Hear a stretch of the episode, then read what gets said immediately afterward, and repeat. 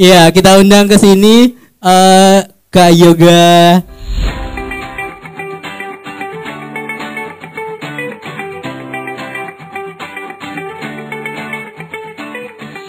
Yoga di Windy Kusumaning Tias, perempuan kelahiran 30 Maret 1989 yang satu ini adalah warga asli Sumber Suko Lumajang. Yoga, panggilan akrab untuk perempuan satu ini, lulus S1 Pendidikan Matematika di Universitas Negeri Malang pada tahun 2011. Beberapa pengalaman organisasi yang ia miliki di antaranya anggota Forum Studi Sains dan Teknologi FMIPA Universitas Malang pada tahun 2009 sampai 2010. Ia juga seorang relawan kelas inspirasi Lumajang 1 sampai 4. Ia juga seorang anggota dunia aktivitas mahasiswa dan pelajar Lumajang Divisi Humas dan Media pada tahun 2015 sampai 2016. Yoga adalah seorang yang pernah mengenyam pendidikan dengan beasiswa yaitu di program Magister International Master Program on Mathematics Education Utrecht University. Yoga juga sudah hadir di mendunia lewat beasiswa untuk berbagi cerita akan beasiswa yang pernah ia raih.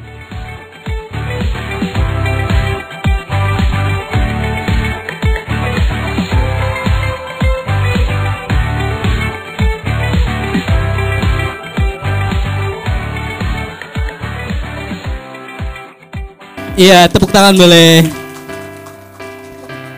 Mulai yo, panas paling Oh, enggak ngisi. Di sini dong temenin. Kita berdua kayak di ya. Eh Dinda kamu yang di situ, Din? Iya. Tiga di sini dong. Iya. Kenapa harus deket kamu, Don? Hah? Kan Kenapa harus ngobrol kita. kamu? Makin deket kan biar lebih bisa tatap-tatapan. Loh, opo sih? ya, Kak Yoga, ini eh, cukup cukup lama sebenarnya tinggal di luar negerinya. Tahun berapa itu, Kak? Hah, lama. Enggak, Mas. So tahu. Oh, salah. Enggak perlu dibahas ya. Enggak, enggak, enggak. Baik, aku ganti pertanyaan aja. Pernah kebanjiran nggak di Belanda? Bentar, aku buka dulu ya. Aku Oh, sapa oh semuanya. iya, boleh, silakan. Assalamualaikum warahmatullahi wabarakatuh. Waalaikumsalam warahmatullahi wabarakatuh. Jangan bosen ya. Harusnya tadi itu disapa dulu kak, gitu kak Dondi, Oh, Kak pesertanya. Mm-mm. Sudah. Sudah, Hmm. gitu ya. Iya. Kan harus dimotivasi terus. Di Ah, up terus baik. di kompor, di kompor. Baik, Gusti. Iya, iya. Iya. Hmm. Gimana? Eh, pernah kebanjiran? Nah, Penting kak ya? Enggak. eh, kan dia daerahnya di bawah laut gitu, Iya Kak. betul. Bener memang nggak? Belanda itu kan satu negara yang eh, di bawah permukaan laut. Jadi ada satu tempat itu yang benar-benar kita bisa lihat sebelah sebelah saya itu laut. Jadi memang jalan tapi pinggir-pinggir itu dibatasi oleh eh, semacam bendungan. Nah kita itu jadi kayak kaumnya Nabi Musa. Wah, Iya, kayak membelah lautan gitu loh Ah, istilahnya, oke. Kak. Iya. Jadi eh, bisa ya itu ya. bisa makanya kan kenapa Hmm. orang Belanda atau orang luar itu lebih mentuhankan sains karena dengan sains mereka bisa Menuhankan. iya Hmm. menuhankan, menuhankan sains. Akhirnya mereka kan tidak tidak punya agama dalam tanda kutip. Nah, sehingga agnostik atau Hmm. ada juga yang mm, ateis. Kalau terkait dengan pertanyaan tadi, apakah pernah kebanjiran? Alhamdulillah nggak pernah. Mereka pernah ya? malah mereka kalau di Belanda Kan malah dari mereka Belanda. itu bikin kanal. Kanal Ah. itu sungai buatan. Jadi sungguh mereka itu menciptakan apa berusaha menciptakan apa yang Tuhan ciptakan. Nggak Hmm. punya nggak punya apa tadi sungai bikin sungai. Oh. Terus laut bisa kebelah. Nah, Oh, bisa ada oke, jalan. iya bener ya. Nah, gitu. Kalau terkait pertanyaan tadi udah ya dijawab. Dulu di Utrecht ya kak, bener sih nggak sih bacanya Utrecht? gitu? Iya betul, Utrecht Utrecht. University. Itu program apa sih waktu itu? Eh kalau saya kebetulan bahasa gampangnya ya itu join program. Hmm. Join program antara pemerintah Oh, iya. Indonesia dengan pemerintah Belanda. Kebetulan eh, kalau di sini ada adik-adik yang suka matematika gitu ya. Ada nggak? Nggak ada. Wah, Sorry, wah, wah, salah kamu. nggak ada ya. kalau kalau ya kalau ada yang suka matematika kalau ada yang pengen jadi guru itu ternyata guru pun itu nggak sempit hanya bisa di sekolah ngajar tapi kita juga bisa eh, pergi yang ingin keluar negeri Hmm. gitu Eh, Bisa ya? bisa Hmm. contohnya yang yang gampang aja ya saya bisa gitu padahal saya pekerjaan terkait dengan guru saya ngajar jadi sebelum saya dapat beasiswa saya itu sudah ngajar di SMA 4 Malang SMA deket Tugu kemudian dan SMP 1 Singosari Malang Hmm. jadi saya ngajar Eh, kemudian mm, pada saat itu dapat rekom dari satu dosen dan juga eh, kekuatan untayan doa saya maupun orang tua dan saya dan Dinda. Karena kami punya cerita bener. Eh, alhamdulillah kami itu sahabat dari SMA jadi kami punya eh, punya satu momen di mana kami menguntai doa bersama di masjid. Terus intinya kita meretas meretas mimpi, kita pengen kuliah di luar gitu aja. Tapi kebetulan saat itu saya dulu yang berangkat, ya Din. Hmm. Jadi saya berangkat tahun 2012 eh, bisa ke Belanda. Meskipun hanya satu tahun sama. Karena tadi join program. Jadi eh, program pemerintah Indonesia khusus untuk mengirimkan eh, guru-guru atau calon dosen ke Belanda khususnya.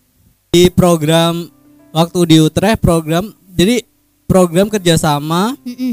eh, Indonesia dengan pemerintah Belanda gitu. Jadi namanya IMPOME, International Master Program on Mathematics Education. Belum ada LPDP ya waktu itu ya? Eh, sudah ada. Oh iya? Eh, belum belum belum belum, Dorong belum, kali, belum 2011 belum. Heeh. Oh, jauh itu belum. Eh 2012 aku ya. 2012 Oh. belum belum. Heeh. Adanya Itu kayak- BU, BU Hmm. beasiswa unggulan dari Hmm. Dikti. Mm-mm. Jadi Itu itu, semacam- khusus untuk mathematics education. Nah, pemerintah kita itu ingin ada perubahan eh, perubahan besar di pembelajaran matematika biar matematika itu nggak menakutkan. Nggak menakutkan Kan gitu ya? buktinya tadi saya tanya ada yang suka matematika nggak? Ternyata sampai sekarang pun masih banyak yang nggak suka.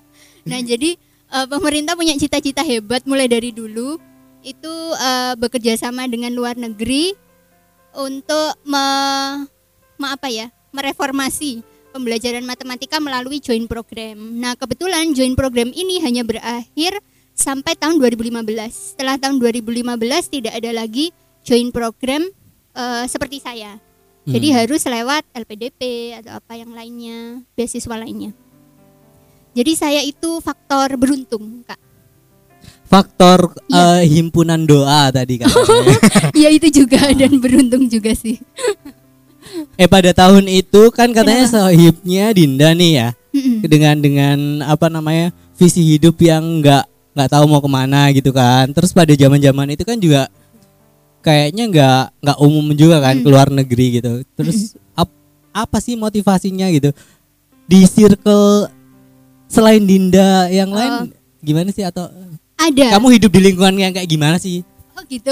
sehingga kamu Oke tuh sih, ke motivasi untuk Ke motivasi untuk sekolah keluar. ah, ah, keluar negerinya itu. Mungkin yang utama dari dosen sih, Oh. karena saya dari awal enggak sih enggak dari awal sorry. Dari awal saya tuh nggak pengen jadi guru satu. Saya jadi guru itu eh, terjerumus terjerembab. Jadi saya masuk pendidikan matematika pun itu karena eh, apa ya ya itu tadi terjerumus. Bukan pilihan pertama saya tapi Hmm. pilihan ibu saya. Eh, kemudian ada satu titik di mana saya itu perlu mensyukuri apa yang sudah saya dapat intinya itulah Hmm. kenapa saya masuk pendidikan matematika nah ada role ketika di kuliah itu seperti dosen jadi saya punya dosen favorit yang kebetulan eh, berkecimpung di bidang mathematics realistic mathematics education atau Hmm. matematika realistik jadi matematika itu ada di sekitar kita, di tangan kita itu ada matematika, di daun ada matematika, di kerudung ada matematika, di pakaian ada di matematika. batik juga ada Jadi, matematika yes, di batik juga ada matematika. Jadi matematika di bahasa ada everywhere. matematika nggak Ada banget Oh. gitu. Jadi matematika is queen kan gitu. Wow. sombong, sombong. Enggak dong. Enggak, enggak.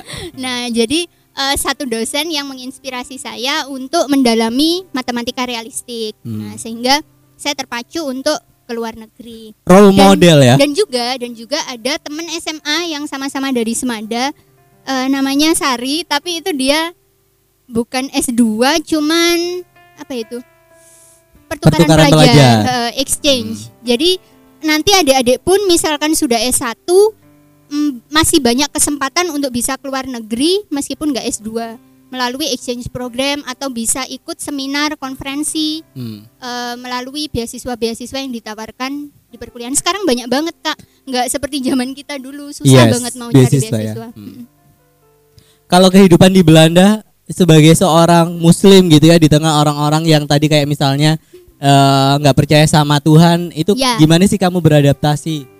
Eh, Jangan-jangan nggak percaya sama Tuhan dulu. Yang paling mencolok mata itu eh, yang suka sesama jenis gitu ya. Jadi LGBT gitu ya ya. jadi ketika saya pertama turun di stasiun namanya Utrecht Central Station, Hmm. nah itu ada mas-mas cakep banget gitu ya. Tapi sayangnya sampingnya juga mas cakep gitu sayangnya juga mas cakep terus awalnya sih nggak ngeh karena mas eh, jujur ya meskipun saya dapat beasiswa ke Belanda saat itu saya tidak mempelajari sedemikian detail tentang Hmm. Belanda. Tidak seperti Dinda. Dinda itu yang sudah sudah dari 2010 itu aku pingin ke sini gitu ya. Kalau saya kan nggak Ah. sebenarnya saya juga enggak. Terus eh, selang berapa lama jalan keluar dari stasiun itu nanti ada taman. Di taman itu juga banyak eh, muda-mudi. Bukan muda-mudi muda-muda. Itu Muda-muda. duduk terus berpegangan tangan terus sambil sambil cipokan gitu itu biasa aw- awalnya Hah? shock gitu ya. Tapi lama-lama oh ternyata memang kultur di sana seperti itu. Apalagi di Utrecht itu memang ada satu bulan tertentu itu khusus pertemuan eh, couple. G untuk couple untuk GG gitu. G peret itu ada. Jadi festival G itu ada. Eh, semacam itu. Jadi bukan hanya bebas maksudnya bukan hanya terkait dengan ketuhanan tapi yang mencolok mata sosial pergaulan eh, seperti itu bebas jangankan itu ya teman saya PPI di Persatuan Pelajar Indonesia itu juga ada yang awalnya dia tidak terpapar eh, LGBT atau G dia jadi ikut paham LGBT Hmm. sebegitu dekatnya dengan Bagaimana kamu eh apa namanya ya memelihara diri, Woi? Apa ya susah nyari diksinya? menjaga Menjaga kata- diri iya. gitu ya. Maksudnya jadi, jadi kalau tadi di eh, di mention tuh kan dulu kak kamu kan nggak pakai rok rok gini kan? Iya, saya Iya itu juga kan? masih pakai jeans gitu masih gitu. pakai jeans lucu gitu. Ah, terus gimana gak kamu memberi eh, menjaga diri di di kehidupan yang kayak gitu? Iya. Eh, itu pilihan ya kak ya. Oh, pilihan. Alhamdulillahnya sih kalau di Utrecht itu salah satu kota di mana ada satu perkumpulan Muslim yang begitu rekat atau erat di warga Indonesia khususnya.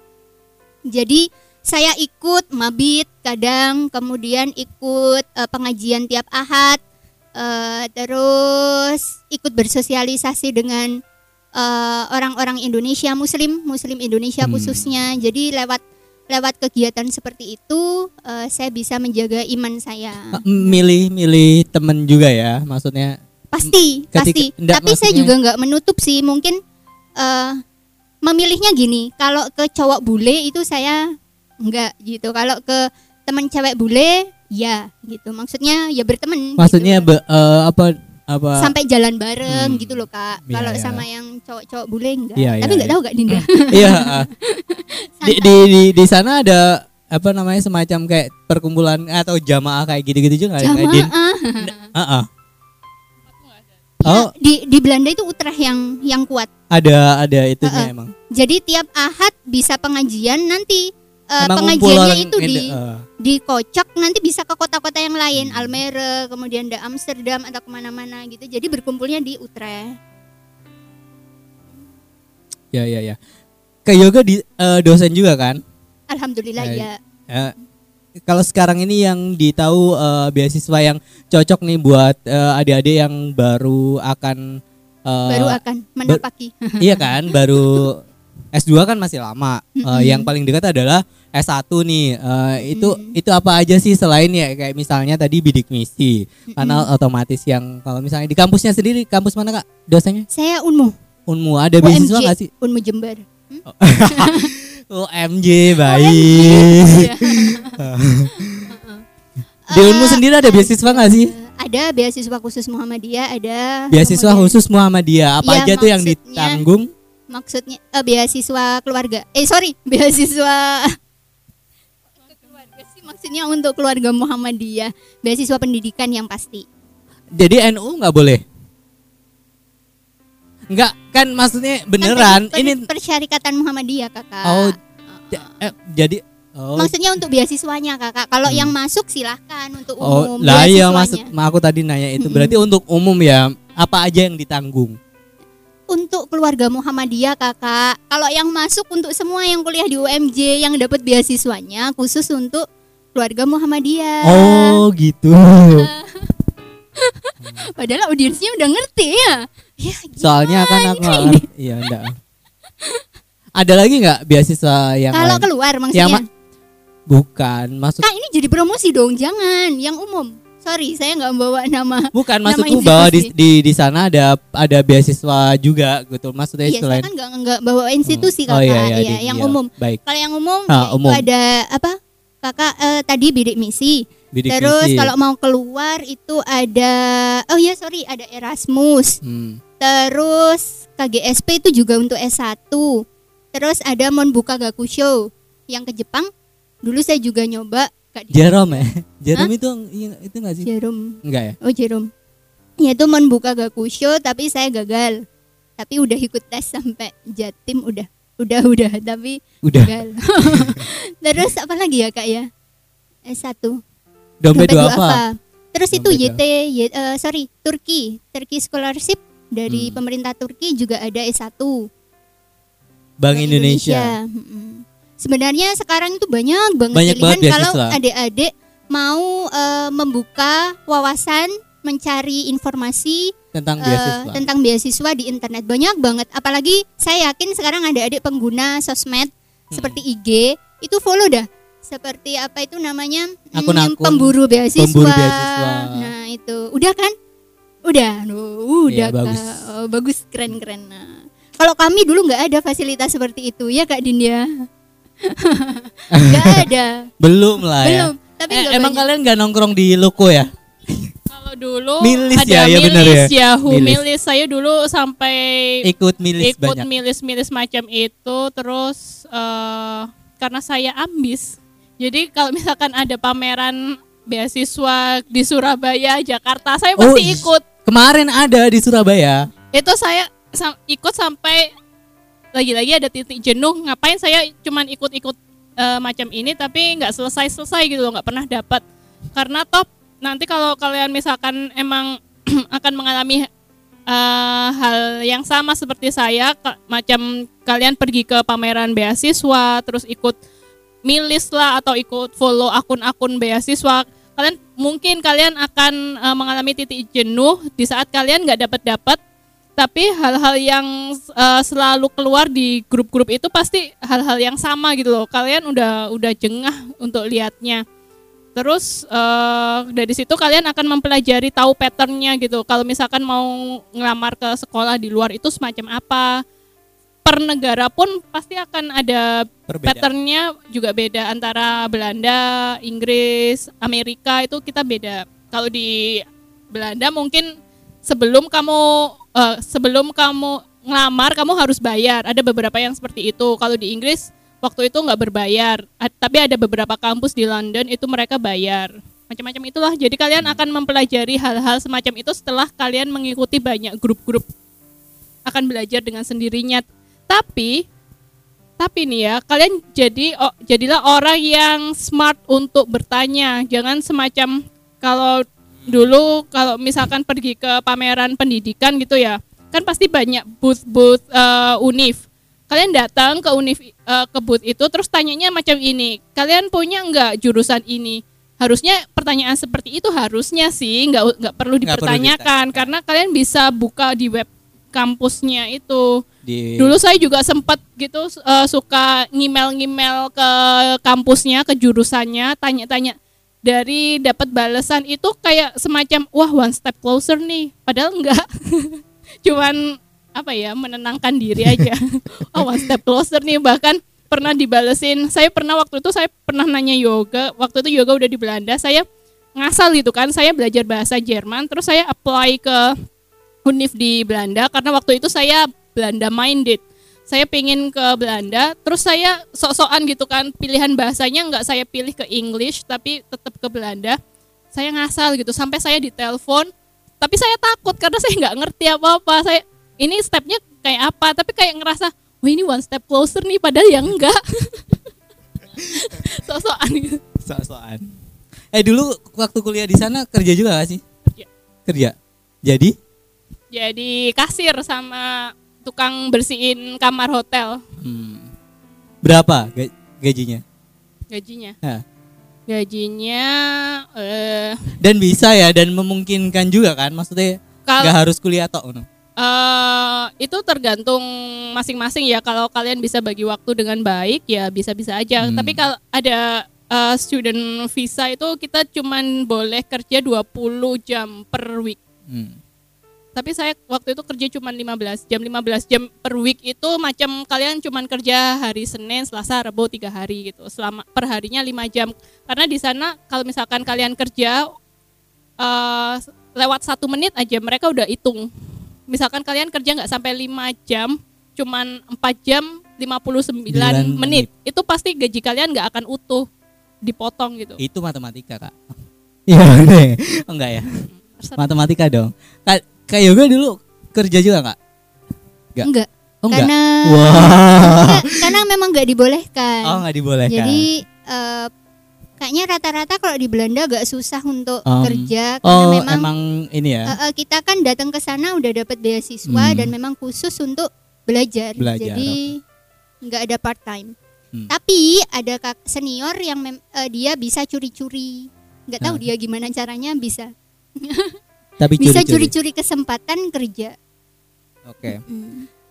Baik. Eh, gini sih untuk adik-adik ya kalau memang Hmm. mau eh, ke luar negeri harus disiapkan benar em, satu mental kemudian dua eh, persiapan persiapannya itu bahasa khususnya bahasa ke negara yang akan dituju tapi kan rata-rata bahasa Inggris Bahasa Inggris. jadi eh, sekarang kalau memang pengen mulai sekarang juga udah serius eh, belajar serius belajar heeh. jadi nggak hanya datang ke seminar kemudian ke seperti tadi ke mana kak Les. Hah? Oh enggak. Les? Ame- bukan ke les pameran tapi ke pameran makan pendidikan. batagor itu loh maksudnya. nggak apa-apa itu jalan hidup orang deh masing-masing Nah, Hmm. jadi itu yang utama mental itu kenapa karena di sana kan disiplin kak Oke. Siap. bukan berarti di sini nggak disiplin ya tapi Ah. tidak terbiasa gitu kalau Hmm. di sana kan udah mulai dibiasakan eh, mulai sekolah dasar apalagi pre sampai PAUD nah saya pernah observasi di PAUD itu mereka TK TK usia TK PAUD sudah bisa loh disuruh untuk presentasi berdiri kemudian ngambil sesuatu sesuai dengan perintah guru nah coba berkelompok ke sana ke sana itu jadi sudah sudah paham seperti itu didikannya mulai kecil. Jadi sebenarnya jangan disalahkan sih kita bisa seperti ini ya maksudnya mindset kita karena memang eh, ada hal yang perlu kita rombak bersama khususnya pemerintah maupun saya secara khusus pendidik ini Pendidik. iya mengubah eh, pola didik untuk anak negeri mulai kecil. Iya, iya. Menarik, menarik. Baik, eh karena tiga-tiganya sudah menyampaikan eh, perjalanan hidupnya, jadi sesi berikutnya akan saya buka sesi pertanyaan, biar enggak saya aja yang nanya. Eh, dua sesi, masing-masing sesinya eh, tiga penanya. Terus nanti ada door prize-nya. Iya, terus ngono. Diembel-embeli iku door prize meneng. Baik, siapa yang ingin bertanya? eh silakan ang- angkat tangan. Terus kemudian perkenalkan diri dari mana, namanya siapa, dan ingin ke negara mana. Ya, ono ngono nih ya, biar memotivasi gitu. Iya, eh boleh diganti juga sudah mau sama Mbak Iklan. Silakan eh, saya buka sesi pertama, pertanyaan tiga penanya.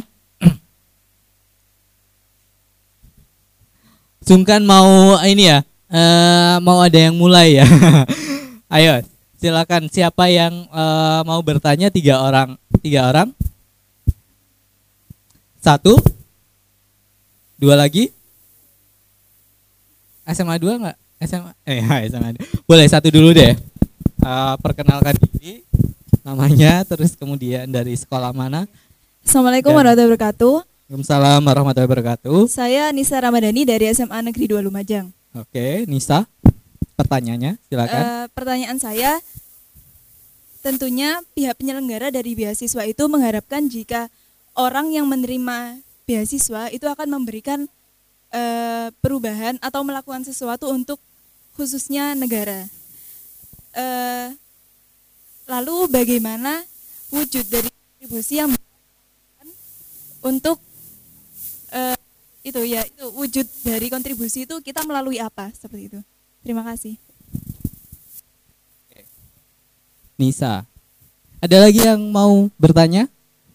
Atau dijawab dulu? Sungkan gak ya? Eh, siapa yang mau jawab? Mili kayaknya ada ini ya, ada kewajiban gitu nggak sih Mil kalau di di LPDP? Kalau di LPDP sendiri, jadi kita ada yang namanya organisasi Mata Garuda.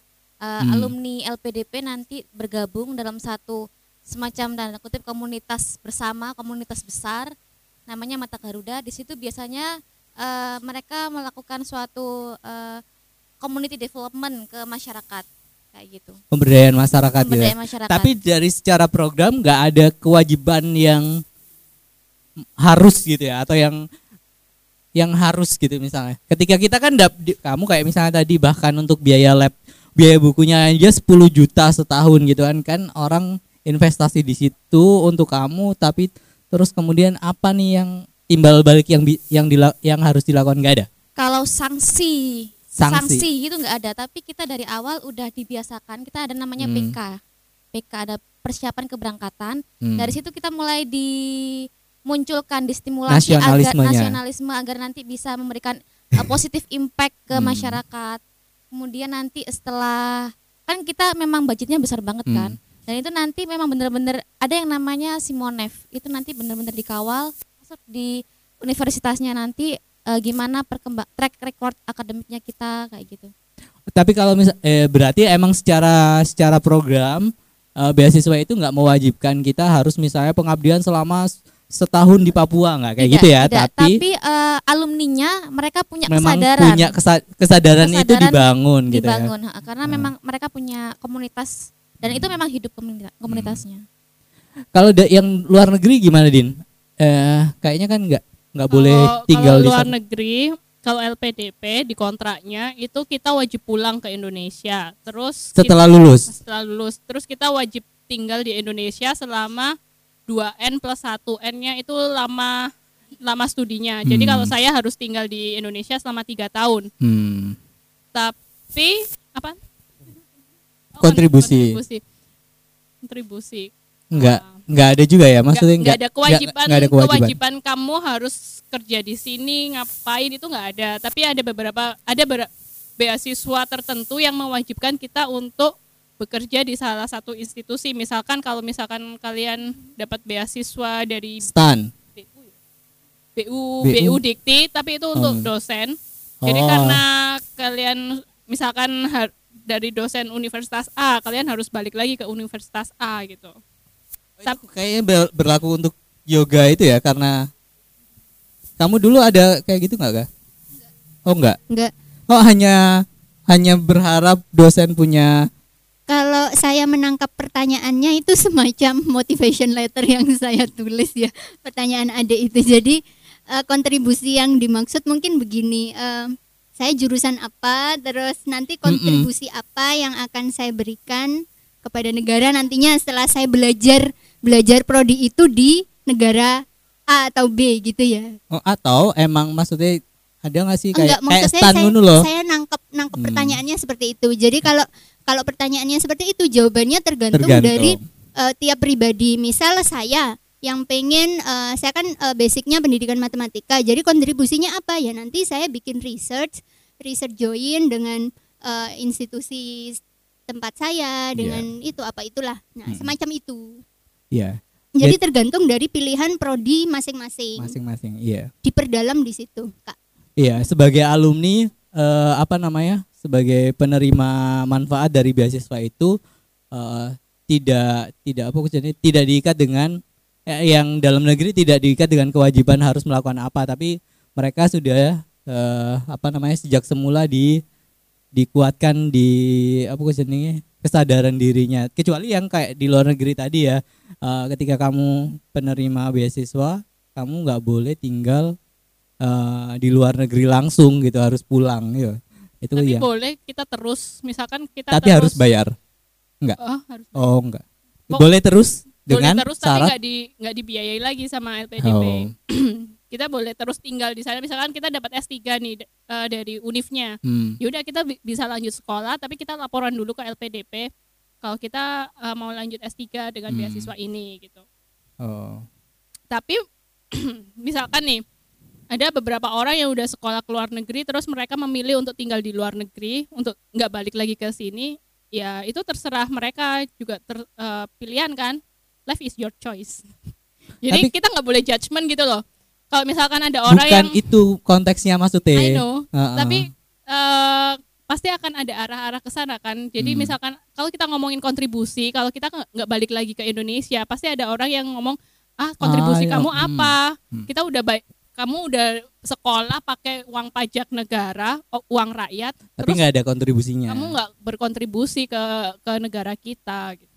Ya ya ya Heeh, karena nggak terlihat nyata pasti ada orang-orang yang ngomong kayak gitu tapi ya itu tadi itu tadi itu pilihan pilihan masing-masing. Dan nggak perlu ngerasa bersalah juga ketika apa namanya ketika kita dibiayai dengan pajak negara terus kemudian kita nggak nggak apa maksudnya nggak pulang dan nggak melakukan sesuatu iya kalau misalnya misalnya nih kayak saya nih belajar eh, apa desain grafis ketika balik ke. Lumajang ngapain itu kan doon industrinya gitu kan nggak apa-apa dong ada di luar di luar kota Kak, Kak, gitu. boleh saya potong? oh iya boleh Sebenarnya mereka punya kontribusi loh.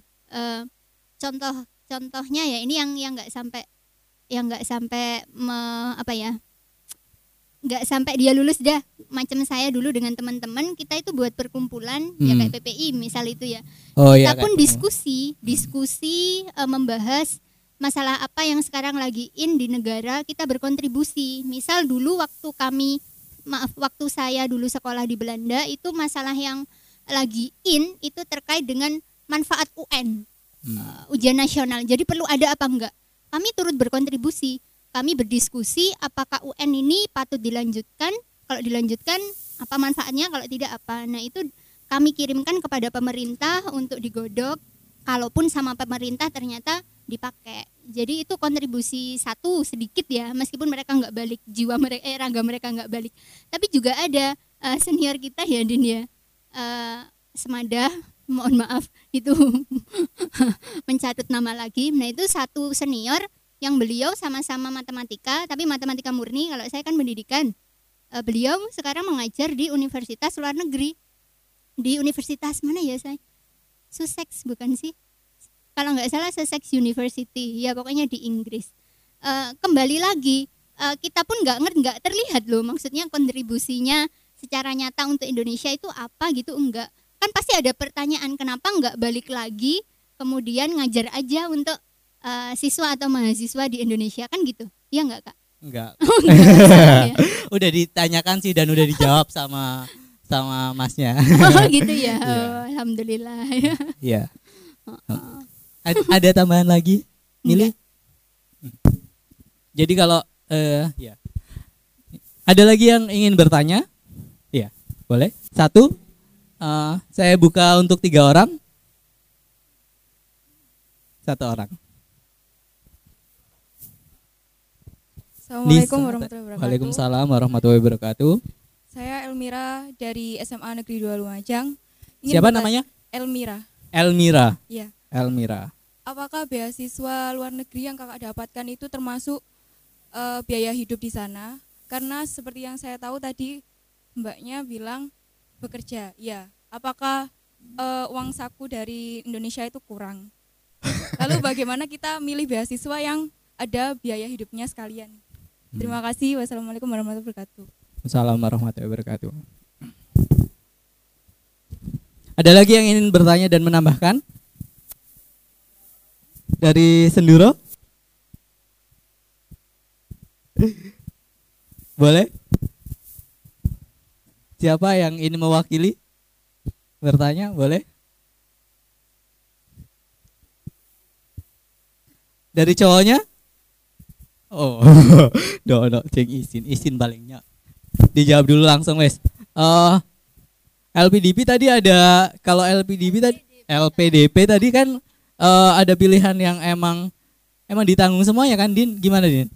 Kalau LPDP pas zamanmu pas zamanmu apa aja yang ditanggung? Zaman zamanku zaman sekarang kayaknya sama sih yang di cover tetap yang ditanggung semuanya. Mulai biaya hidup.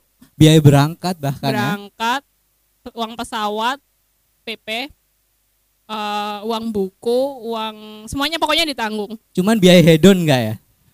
Itu itu udah lebih lebih loh kalau lebih lebih ya? lebih lebih kalau kalian tingkat intensitas hedonismenya nggak setiap hari. gitu tapi ya. kalau percaya kalau misalkan kalian sekolah di luar negeri bukan eh, niatnya bukan untuk pamer konten Instagram pasti nggak terlalu tapi nggak bisa disalahkan juga sih orang pamer di konten Instagram Iya, karena ah. mereka sema- semacam apa ya escape dari rutinitas akademisnya karena itu Hmm. benar-benar benar-benar stres banget kuliah di luar negeri.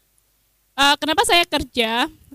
Saya sebenarnya selesai sekolah itu bulan Agustus, September kan kontrak sekolahnya itu ha- bulan September. Agustus saya udah selesai disertasi. September akhir pendanaan dari LPDP. Saya tinggal di sana sampai eh, Desember. Jadi mulai September habis Oktober, Oktober Desember saya nggak dapat duit dari negara lagi. Jadi saya harus eh, gimana caranya? Saya harus hidup dengan sisa duit yang ada. Sebenarnya sisa duit yang ada itu pun Juga lebih cukup dari ya? cukup. lebih dari cukup Cuman saya memilih bekerja eh, karena saya eh, cuman mau killing time aja. Jadi nggak mau tetap kan karena cuaca di Inggris itu bikin orang frustasi ya. Eh, langitnya gelap, terus matahari pun kayak cuman berapa menit gitu keluar, terus gelap lagi, hujan.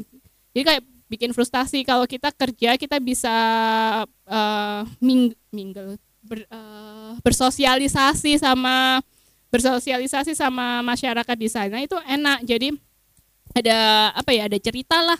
Jadi kalau misalkan kal misalkan kalian mau eh keluar negeri, pilihan kerja atau enggak kerjanya, cukup nggak cukupnya duit itu tergantung kita manage-nya.